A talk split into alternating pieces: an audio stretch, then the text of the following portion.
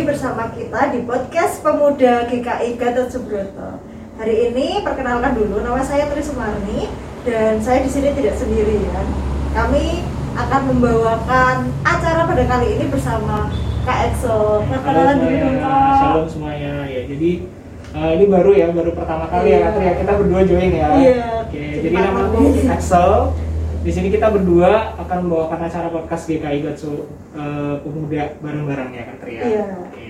Nah, sebelum kita masuk ke intinya nih, kita tuh mau bahas sesuatu yang luar biasa. Dan Hmm. sebelumnya kita mau pujikan pujian dulu satu lagi, satu pujian lagi dengan pujian mengikut Yesus.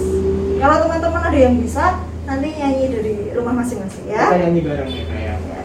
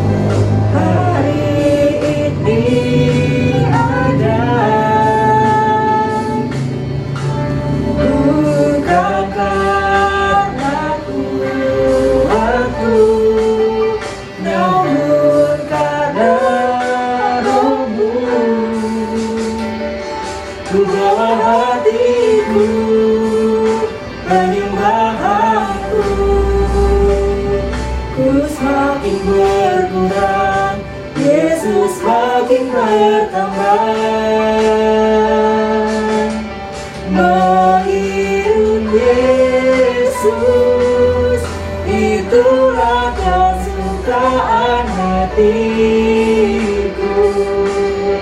Ku lepas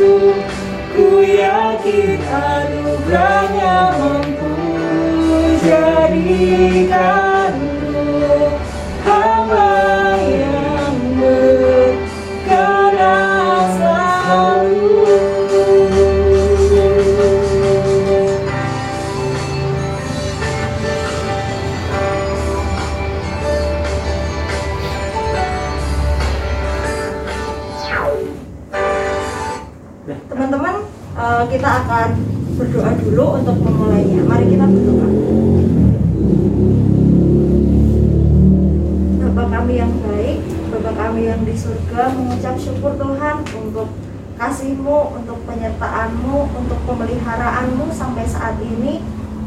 Kami bisa merasakan kasih setiamu yang tiada habisnya di dalam hidup kami.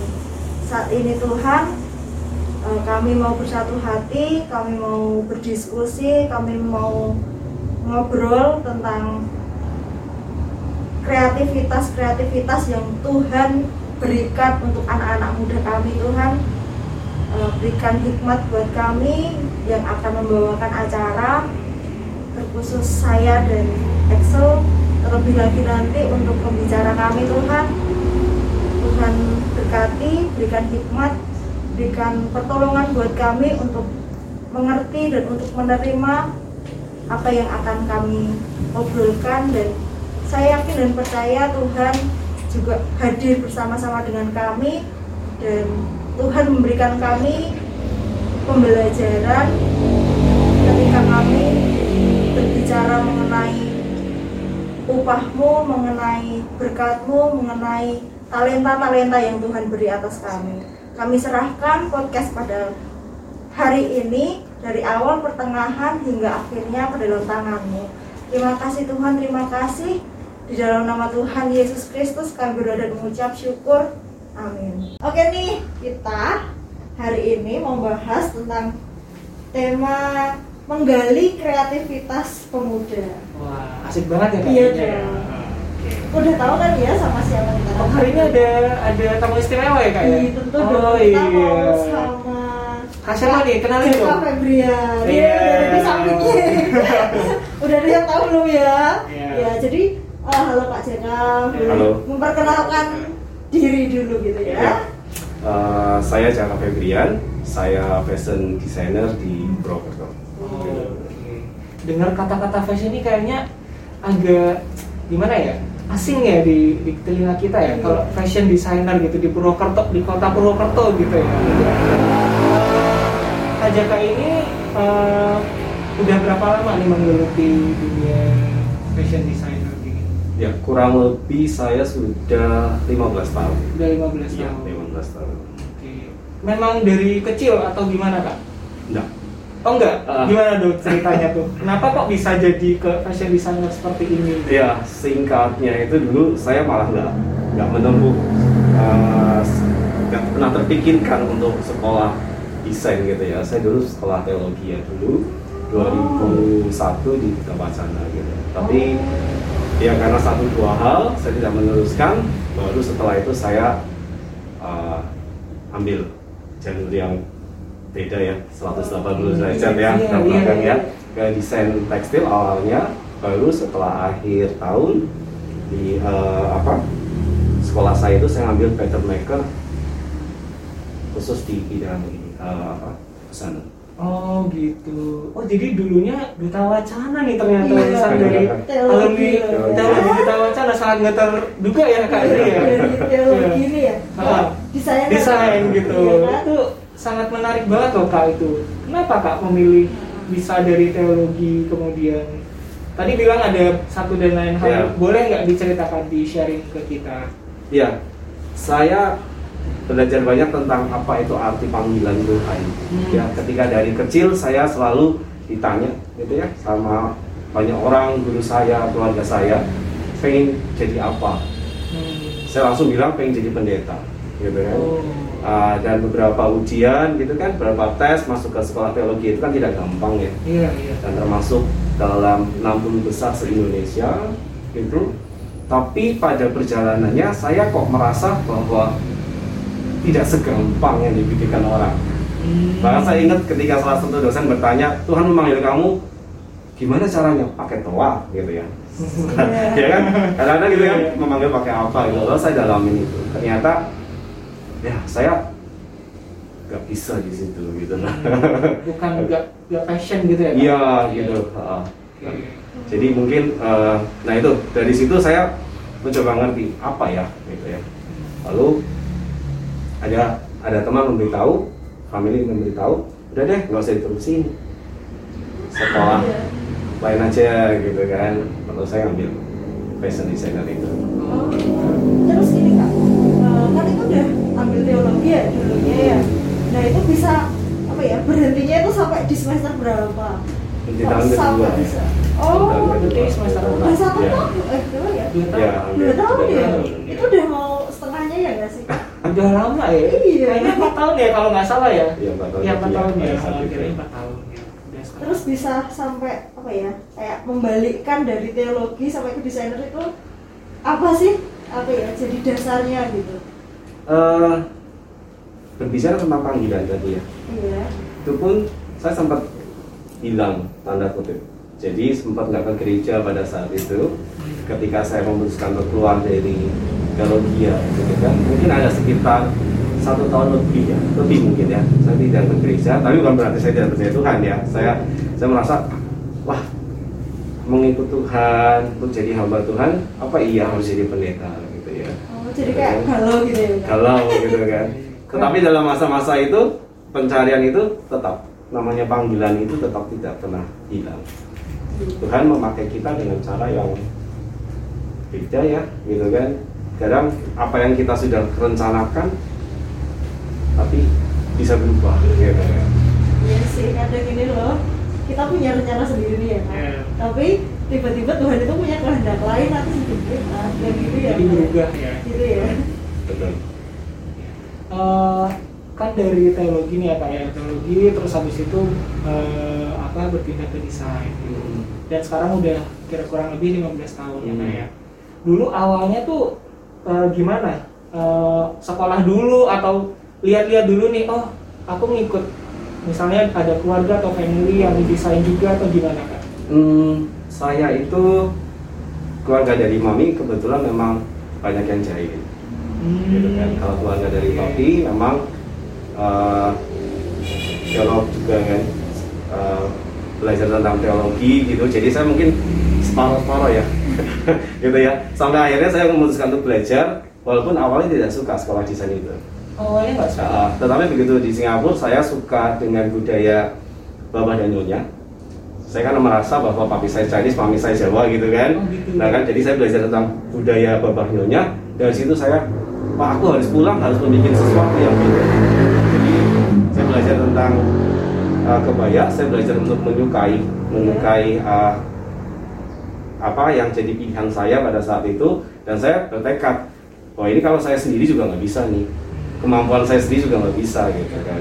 Dari situ tahun-tahun itu merupakan tahun apa ya yang membuat saya sadar ya gitu, wah bisa nggak ya nanti pulang jadi se, se- apa ya jadi yang seperti orang inginkan orang lain banggakan oh jangan tuh harus seperti ini jangan harus seperti ini gitu kan nah dari situ saya kembali lagi yang dulu sejak hilang ya setahunan lebih itu saya bilang sama Tuhan aku mau pulang Indonesia deh mau jadi apa gitu Iya iya. iya. Tuhan yang bentuk gitu Eh, tadi bilang sekolahnya di Singapura ya kak ya? Hmm. Keren banget loh kak bisa sekolah desain di Singapura gitu. Kayaknya keren banget gak sih? Iya. Iya. Bisa Susah Itu, oh, oh, itu, Itu dari ah, sendiri atau gimana? Eh, enggak itu ada beasiswa ya gitu. Ada buat beasiswa. ya dan itu juga ya nggak gampang ya kedengarannya sih kayaknya keren ya Iya. gitu kan tapi kan prosesnya ya proses di sana ternyata pertama kendalanya bahasa ya bahasa se-Inggris saya kan juga pas-pasan gitu ya untung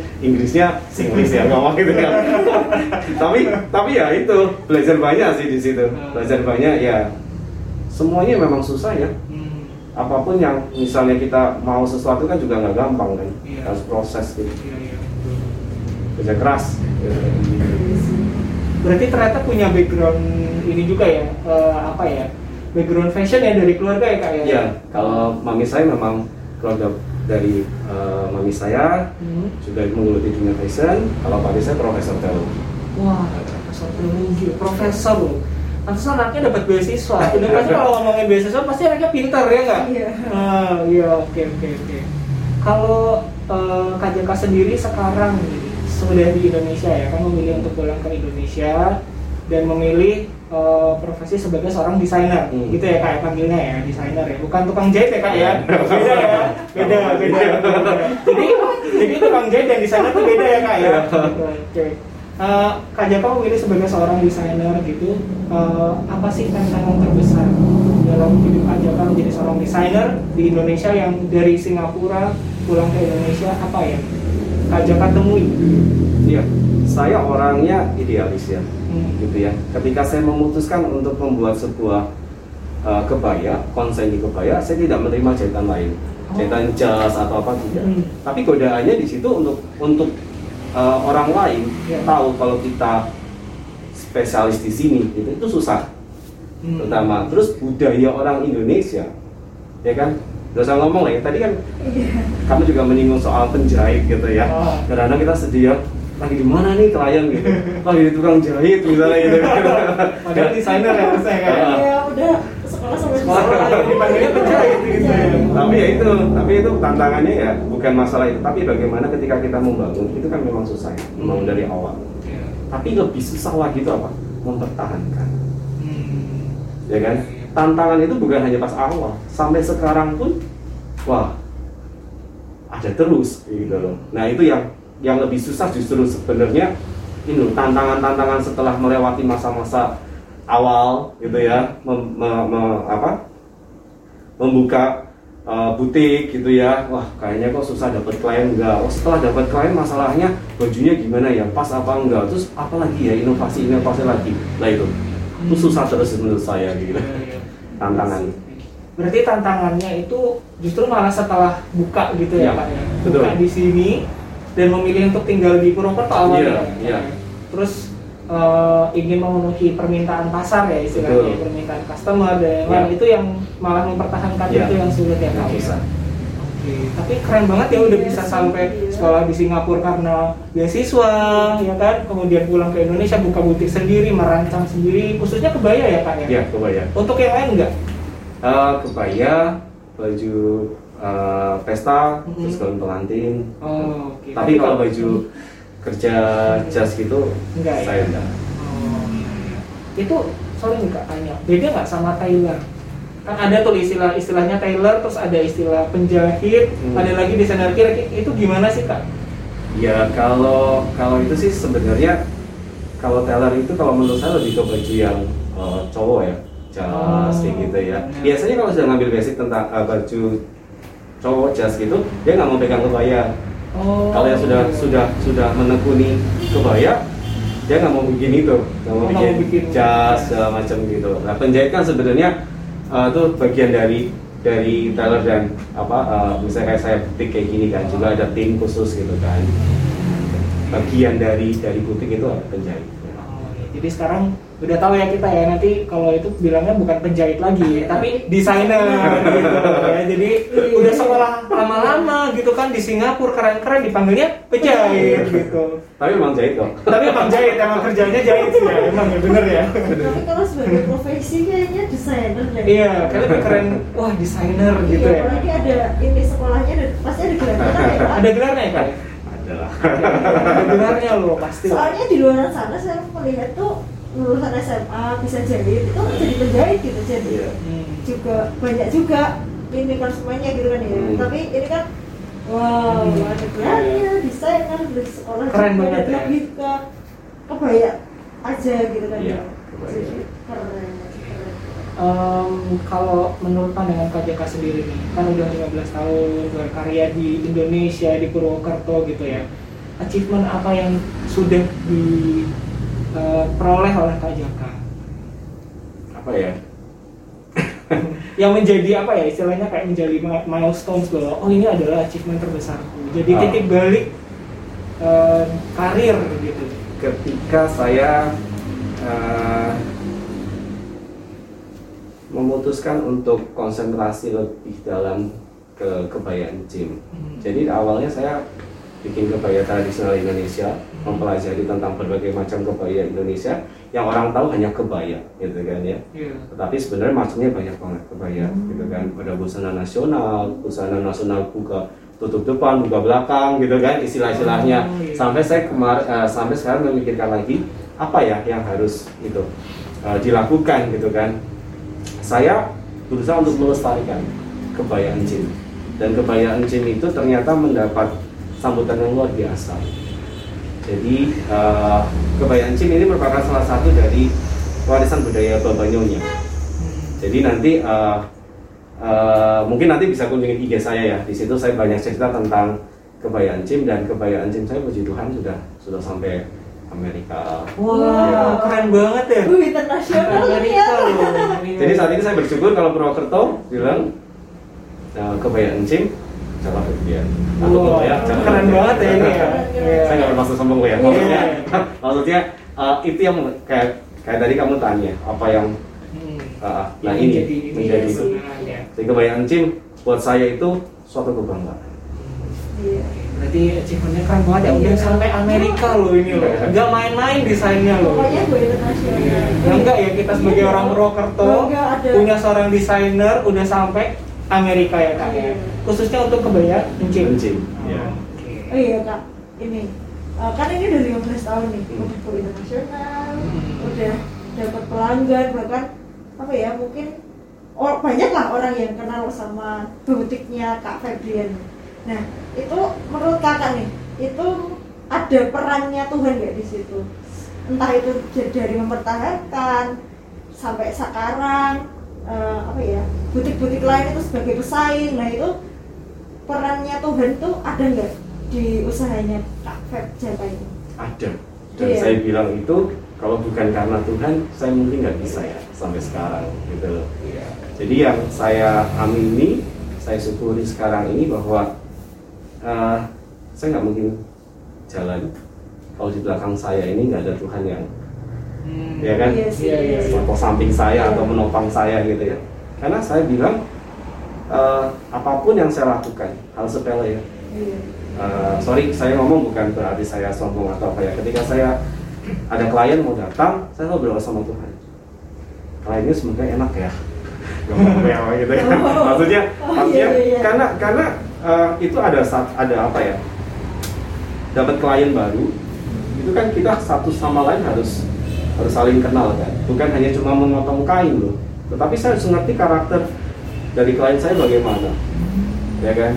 Kalau bukan campur tangan Tuhan, saya rasa tidak mungkin ya kan jadi setiap saya memotong pun saya juga berdoa gitu supaya baju ini pas gitu kan ya dan selama 15 tahun setiap ada orang mau fitting mau ngepas saya di dalam pasti masih deg-degan Gak tahu, saya tahu baju ini pas nggak ya padahal saya ngukur, saya motong saya bikin pola gitu ya tapi saya selalu merasa deg-degan dan saya baca katanya kalau deg-degan itu wajar berarti kita serius bikinnya gitu dan tadi kesimpulannya berarti peran Tuhan itu Sangat. sangat besar, sangat luar biasa hidup saya. Iya, iya, iya. Gimana nih kak perannya Tuhan di dalam usahanya kakak ini? Saya yang paling benar-benar saya apa ya, eh, benar-benar melihat bukti nyata banget itu ya ketika beberapa bulan terakhir ini kan pandemi Hmm, Oh, iya. corona ya, Corona ya. lagi. Iya, kayak gitu kan. Betul, iya. hampir hampir 50 baju pesta saya ada beberapa wedding itu di pending Hmm. ya kan nah sedangkan saya kan punya karyawan Iya. pada saat itu juga mau lebaran harus nyiapin buat THR gitu kalau kita bicara soal usaha loh ya Iya. itu bagaimana coba Oh jadi kayak kakak sebagai yang ownernya sini gitu ya itu Ah. mungkin merasa khawatir nanti gimana THR-nya Betul. karyawan apalagi banyak yang cancel karena diundur karena ya covid ini gitu ya. ya Nah mengantisipasi itu gimana kak? Eh, Tuhan bekerja, Tuhan menjawab, Tuhan memberi memberi pertolongan itu melalui apa nih kak? Ada nggak? ya saya itu berdoa ya sama Tuhan. Ah, saya nggak mau sampai jangan sampai Tuhan saya merumahkan sebagian dari karyawan saya. Oh iya. karena susah ya. Mau cari kerja juga susah dong mereka. Bagaimana mereka mencari kerja lagi gitu ya. Tuhan pasti cukupkan. Gitu kan? Tuhan pasti cukupkan Tuhan pasti kasih jalan keluar gitu. Dan doa itu memang harus loh Iya. kalau saya bilang gitu kita nggak bisa loh dengan kemampuan kita sendiri nggak bisa mustahil dan bukan dari kebaya bukan dari gaun-gaun saya bisa nutup ya kalau ini soal usaha ya saya bisa nutup THR segala macam tapi dari masker Oh, iya. dari masker ini Iya, iya, iya. saya mendapatkan berkat yang luar biasa dari Tuhan Hmm. kelihatan simple ya Iya. masker ini ya masker ini kalau diperhatikan ah cuma sebuah masker. Dan saya termasuk yang agak telat masuknya jadi ketika itu saya bikin masker biasa yang standar yang cuma segi empat lalu ada beberapa yang minta eh, baju APD Ya. tapi setelah saya tahu bahwa baju APD yang bahan yang dijual juga belum memenuhi standar kan masih bisa eh, virusnya masih bisa masuk lalu saya stop saya bilang sama Tuhan apa ya? Bikin apa ya? Oh iya suatu malam saya ingat saya bikin kebaya encim kenapa saya tidak membuat masker dengan model ada bordiran encim yang ciri khas dari saya gitu kan dan ini menjadi berkat yang luar biasa dari Tuhan Iya sih. Keren Oh iya. banget. Oh, iya. Keren, keren ini. Wah, ini loh teman-teman. Jadi kita tuh Iya. sebenarnya pakai maskernya Kak Jaka. Kak Jaka. Iya. Ini enak banget loh, teman-teman. Iya, motifnya tuh cantik-cantik kak. Keren banget ini ada gambar sih. burungnya ini ya. Iya, Ah, ah, limited edition kayaknya nih. Ini limited edition ya. Khusus buat kita ya Pak. Oh iya dong, iya. Jadi kalau misalnya eh, teman-teman semua Ah, tertarik, boleh datang ya kak ya, boleh datang eh, dan bisa juga eh, ke sini ketemu sama Kak Jaka. Mungkin masih masih ada ya kak maskernya ya, nanti teman-teman bisa beli di sini gitu. Iya. Sekalian kita juga membantu suasana juga, membantu Kak Jaka dan juga membantu karyawan-karyawan juga gitu ya kak ya. Betul. Jadi bisnis itu nggak selalu uang ya, tapi harus ada berkat juga ya untuk orang lainnya nggak kak? Iya, Betul nggak? Ya, jadi yang saya tangkap dari Jaka ini pintar melihat kondisi sekarang dan apa namanya dia bisa merubah kondisi kesulitan ini menjadi sebuah berkat melalui ide dan kreativitas uh, yang udah ada gitu. Nah ini kan udah keren banget nih kak, udah tadi ada kebaya encim ya spesialisasinya, kemudian udah bikin masker juga. Ada nggak sih kak buat kita nih anak-anak muda nih yang kira-kira masih pengen untuk bisnis, ada nggak tips dan trik untuk kita anak muda memulai bisnis baru misalnya lagi mau Iya. mulai bisnis gitu, apa kak? Yang pertama jangan mudah putus asa ya, Hmm. gitu ya. Pasti di awal usaha kita selalu memikirkan tentang keuntungan. Keuntungan laba itu oke lah, gitu ya. Tetapi kalau kita sudah orientasinya kita, wah ini harus dapat duit banyak, dapat duit banyak gitu. Selalu di awal usaha sudah kita mudah putus asa ya. Ah ini kayaknya kok nggak jalan. Terus kita buka lagi yang baru, buka lagi yang baru. Saya sarankan enggak. Saya sarankan fokus pada satu. Satu dulu ya. Satu ya, dulu, Kak? gitu kan. iya. Nanti itu dengan seleksi tersendiri, sendiri nanti bisa kok. Nanti oh ya ini kira-kira kita cocok nggak di sini, gitu kan? Kira-kira itu naik secara hitung hitungan matematika kita rugi apa enggak gitu kan? Nah, terus yang kedua apa pun itu harus melibatkan Tuhan dalam setiap perencanaan hidup kita. Itu sangat penting. Dan itu banyak kali ya, bukan cuma saya, beberapa teman juga pengalaman rohaninya juga ada gitu ya. Jadi saya pikir jangan berjalan sendiri, gitu loh. Tapi melibatkan Tuhan dalam setiap langkah hidup kita. Jadi itu sih, kalau saya bilang jangan putus asa, melibatkan Tuhan, terus berinovasi ya. Hmm. Saya tadi bilang harus menangkap ya kan Peluang. peluang gitu. Itu perlu sekali. Jadi ada tiga nih ya kak ya tapi eh, ini utama kesimpulannya ya. Pertama harus eh, apa namanya berinovasi ya Hmm. tadi ya harus pintar menangkap peluang. Kemudian tidak berorientasi kepada uang Ya. dengan selalu melibatkan Tuhan gitu ya. Terus yang ketiga fokus hanya pada satu pekerjaan dulu Jangan putus asa. Ya, dan jangan putus asa gitu ya. Jadi keren banget ya ini ya tips dan trik buat para pemuda yang kira-kira masih bingung dan galau mau start usahanya atau mau jadi seorang bisnismen atau seorang usahawan gitu bisa ikutin tips dan trik dari Kak Jaka yang udah sukses pastinya ya. Iya. Iya kak, ini aku ada pertanyaan lagi kak. Eh, kak Jeka kan udah jadi desainer nih, ya.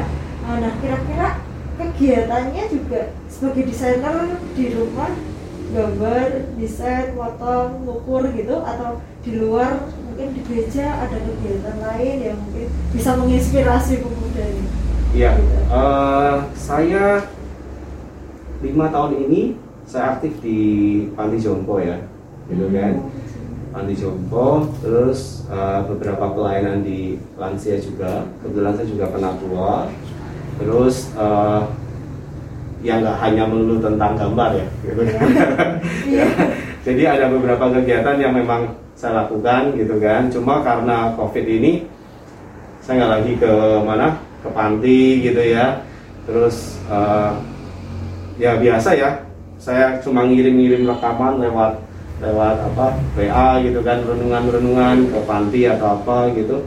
Nah, ya kegiatannya paling gitu ya. Sekarang ketambahan sih gambar motif-motif burung kayak gitu Hmm. pola-pola masker itu Iya. kadang-kadang kalau malam nggak bisa tidur gambar gitu tapi sekarang sih akhir-akhir ini tiga bulan ini saya nggak setiap hari gambar gitu jadi ya banyak lah banyak merenung juga sih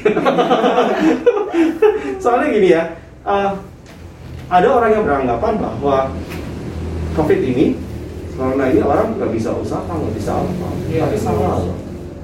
justru bagaimana pintar-pintar kita menangkap peluang orang berjualan banyak loh Iya. sekarang kan tadi dia tidak bisa memasak jadi memasak Iya. gitu kan? Betul banget, betul banget, iya, betul. macam nah itu dari hal kecil pasti bisa jadi hal besar saya hanya dari 25 masker sekarang setiap bulan saya bisa sekitar 4000 masker Sampai 4000 kak. ya Wah gila keren Sampai banget. 4.000. Banyak banget ya. Hmm. Itu dibantu berapa orang nggak? Atau Eh, sendiri? Nggak mungkin oh, Kak, nggak sendiri ya? sendiri. Ah, saya jadi total sekitar 8 ya Oh delapan. delapan yang di sini itu eh, yang membantu. Jadi dari tukang bordir saya punya tiga, terus tukang jahit, berarti delapan lebih ya karena tidak semua tinggal di sini gitu ya. Oh. Ada penjahit, terus ada tukang potong juga. Hmm. Oh, tukang potong sendiri. Iya, Oh wow, sedetail itu ya kak ya. karena masker yang bentuk pertama kan juga kadang-kadang kurang pas sama wajah orang ya rata-rata orang gimana gitu kan jadi selalu cari oh pola ini yang oke gitu kan kalau saya kasih ke tukang potong jahit gitu jadi setiap setiap itu saya selalu bilang oh ada klien yang kurang nih jadi bukan hanya ukuran satu ukuran kalau saya Hmm. So, misalnya ibu A Pak tolong ya ini dikecilin sedikit saya ngikutin kayak gitu jadi bisa lebih ya, ya? lebih lebih custom ya Iya. Iya. bukan yang produk massal ya karena mungkin pola ini hanya ada beberapa orang saja yang pakai atau pola ini juga hanya ada beberapa orang yang pakai gitu. itu juga sama gitu kan Rasanya bangga deh kak. Iya. Desain limited edition dari Kak Jaka Febrian nih. Iya, iya. Cuma ada di sini loh. Mungkin cuma ini aja yang saya pakai. siapa tahu itu Iya. bikin aja gitu. oh iya pak. Namanya apa sih pak? Kalau kan ada yang mungkin butik jangka Febrian gitu ya. Hmm. atau ada panjangnya lagi. Jaka Febrian House of Chang. Nah House of Chang ini apa ya kak. Awalnya saya itu namanya eh, House of Chang. Tapi karena asosiasi desainer harus pakai nama sendiri gitu kan. Chang itu bernama dari marga saya papa saya Chinese namanya eh, marganya Chang Chang itu Tio gitu kan Mandarinya gitu kan jadi saya pakai untuk nama belakang eh, butik saya supaya ingat terus gitu iya tetap bawa nama keluarga betul jadi nggak sembarangan iya Tetap di bawah ya. Iya. Siapa tahu bawa hoki gitu ya. Berkatnya tambah banyak gitu kalau ini ya gitu. Oke. Eh, menurut Kak Jana nih, ini termasuk upah mengikut Yesus nggak? Dikasih berkat, dikasih talenta, bahkan usaha sampai 15 tahun berjalan dengan luar biasanya gitu. Kalau saya bilang iya ya, Ya, tapi ya. saya lebih tepatnya kalau ini adalah eh, apa yang seharusnya kita lakukan ketika Tuhan sudah memilih kita terlebih dahulu. Ya kan? Kita kan Tuhan memilih kita, ya. Ya. Tuhan memilih kita sebagai ucapan syukur kita, berarti kita kan harus jalan, Hmm. ya kan, seturut apa yang Tuhan inginkan. Iya. ya kan? Menjadi hambanya hamba Tuhan gitu kan ya? Menjadi anak Tuhan itu kan juga tidak mudah gitu kan? Nah kalau dibilang upah iya gitu. Kalau saya sih lebih ke arah ucapan syukur ya. Jadi ini sebagai Tuhan sudah milih kita terlebih dahulu loh. Lah ini yang harus kita lakukan gitu loh dapat berkat dari Tuhan iya gitu jadi hidup kita harus baik gitu ya walaupun kadang-kadang kan godaan banyak ya Iya. di bisnis lah, di kehidupan gereja juga banyak gitu kan permasalahan. Tapi menurut saya ini yang harus kita lakukan sebagai anak-anak Tuhan.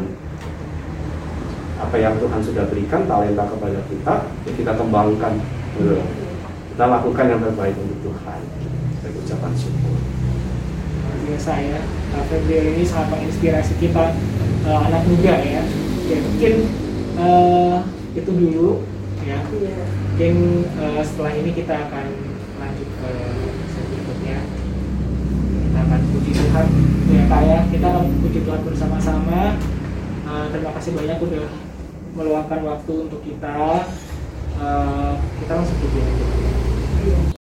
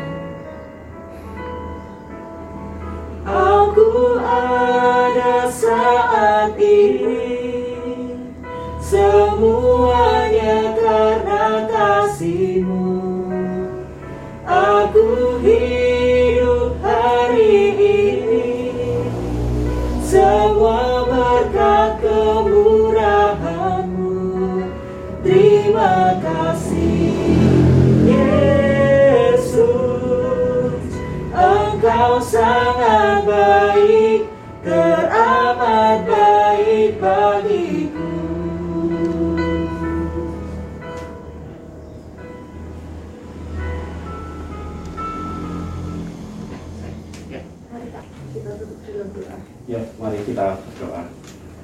Sungguh kami bersyukur ya Bapak bahwa kami anak-anakmu pemuda GKI boleh Tuhan pakai Tuhan meskipun kami saat ini hanya beribadah lewat online ya Tuhan tapi kami tetap bersyukur Tuhan bahwa Engkau tetap mengingatkan kami untuk mengerti betapa pentingnya kami tetap beribadah Tuhan terkhusus Tuhan kami berdoa Tuhan agar pandemi ini segera berlalu Tuhan. Agar kami boleh bersama-sama kembali beribadah kepadamu di gereja ya Tuhan. Tapi Tuhan kami tetap bersyukur apa pun itu Tuhan. Kami tetap bersyukur untuk berkat untuk semua yang Tuhan berikan Tuhan. Dan kiranya Tuhan kami anak-anakmu pemuda Tuhan Tuhan pakai. Tuhan selalu mengingatkan kami untuk kami bisa melakukan apa yang kami lakukan sesuai dengan talenta kami masing-masing ya Tuhan. Tuhan, kami berdoa Tuhan untuk semuanya Tuhan, untuk keluarga kami Tuhan, untuk teman-teman kami Tuhan, untuk gereja kami Tuhan. Kiranya Tuhan selalu memberkati mereka seperti Tuhan memberkati kami. Dan biarlah Tuhan kami boleh menjadi anakmu yang membanggakanmu Tuhan, boleh menjadi pemuda gereja yang selalu mengingat apa yang menjadi tujuan hidup kami sebagai pemuda Kristen Tuhan. Terima kasih Tuhan, di dalam nama Tuhan Yesus kami sudah berdoa dan mengucap syukur. Amin. Amin. Terima kasih Kak Jaka. Thank you banget Kak Jaka udah Menjadi apa ya? Narasumber. Inspirasi. Inspirasi kita, iya. gitu. Semoga semuanya terinspirasi dari Kak Jaka hari ini ya. Iya. Oke, Jangan lupa juga kalau yang mau beli masker, keren banget ini, enak banget. Datang ke butiknya Kak Jaka. Iya, atau mungkin eh, mau yang mau merit bisa ini ya fitting Bisa baju fitting. di sini gitu ya. nah, kalau kepo dengan hasil karyanya Kak Jaka, bisa kita eh, cantumkan Instagramnya ya Kak Oke. di ini di, Di bawah, apa, ya. di bawah ini ya Di bawah. gitu dan eh, teman-teman mungkin kita hari ini cukup dan di pertemuan yang akan datang di minggu yang akan datang kita akan ada lagi nih podcast-podcast yang lebih menarik lagi dengan tema-tema yang menarik dengan pembicara-pembicara yang luar biasa juga tentunya. Jadi teman-teman yang mau bergabung terus subscribe channel kita ini di GKI Gatot Subroto. Eh, kalau teman-teman ada pertanyaan atau ada saran, komentar bisa ditulis di kolom komentar. Kemudian eh, untuk teman-teman yang mungkin mau sharing juga eh, bisa dikirim audio cerita teman-teman. Nanti kami kami akan upload di podcast melalui Spotify di konten kami kayak gitu. Jadi eh, nanti kita ini kak akan ada di Spotify dan ada di YouTube. Jadi teman-teman bisa meli- mendengar melalui audio aja itu di Spotify atau enggak ada visualnya nih ada videonya itu di YouTube kami gitu. Jadi eh, sampai ketemu di minggu depan and see you. See God you. bless you. God bless. Dan iya, iya.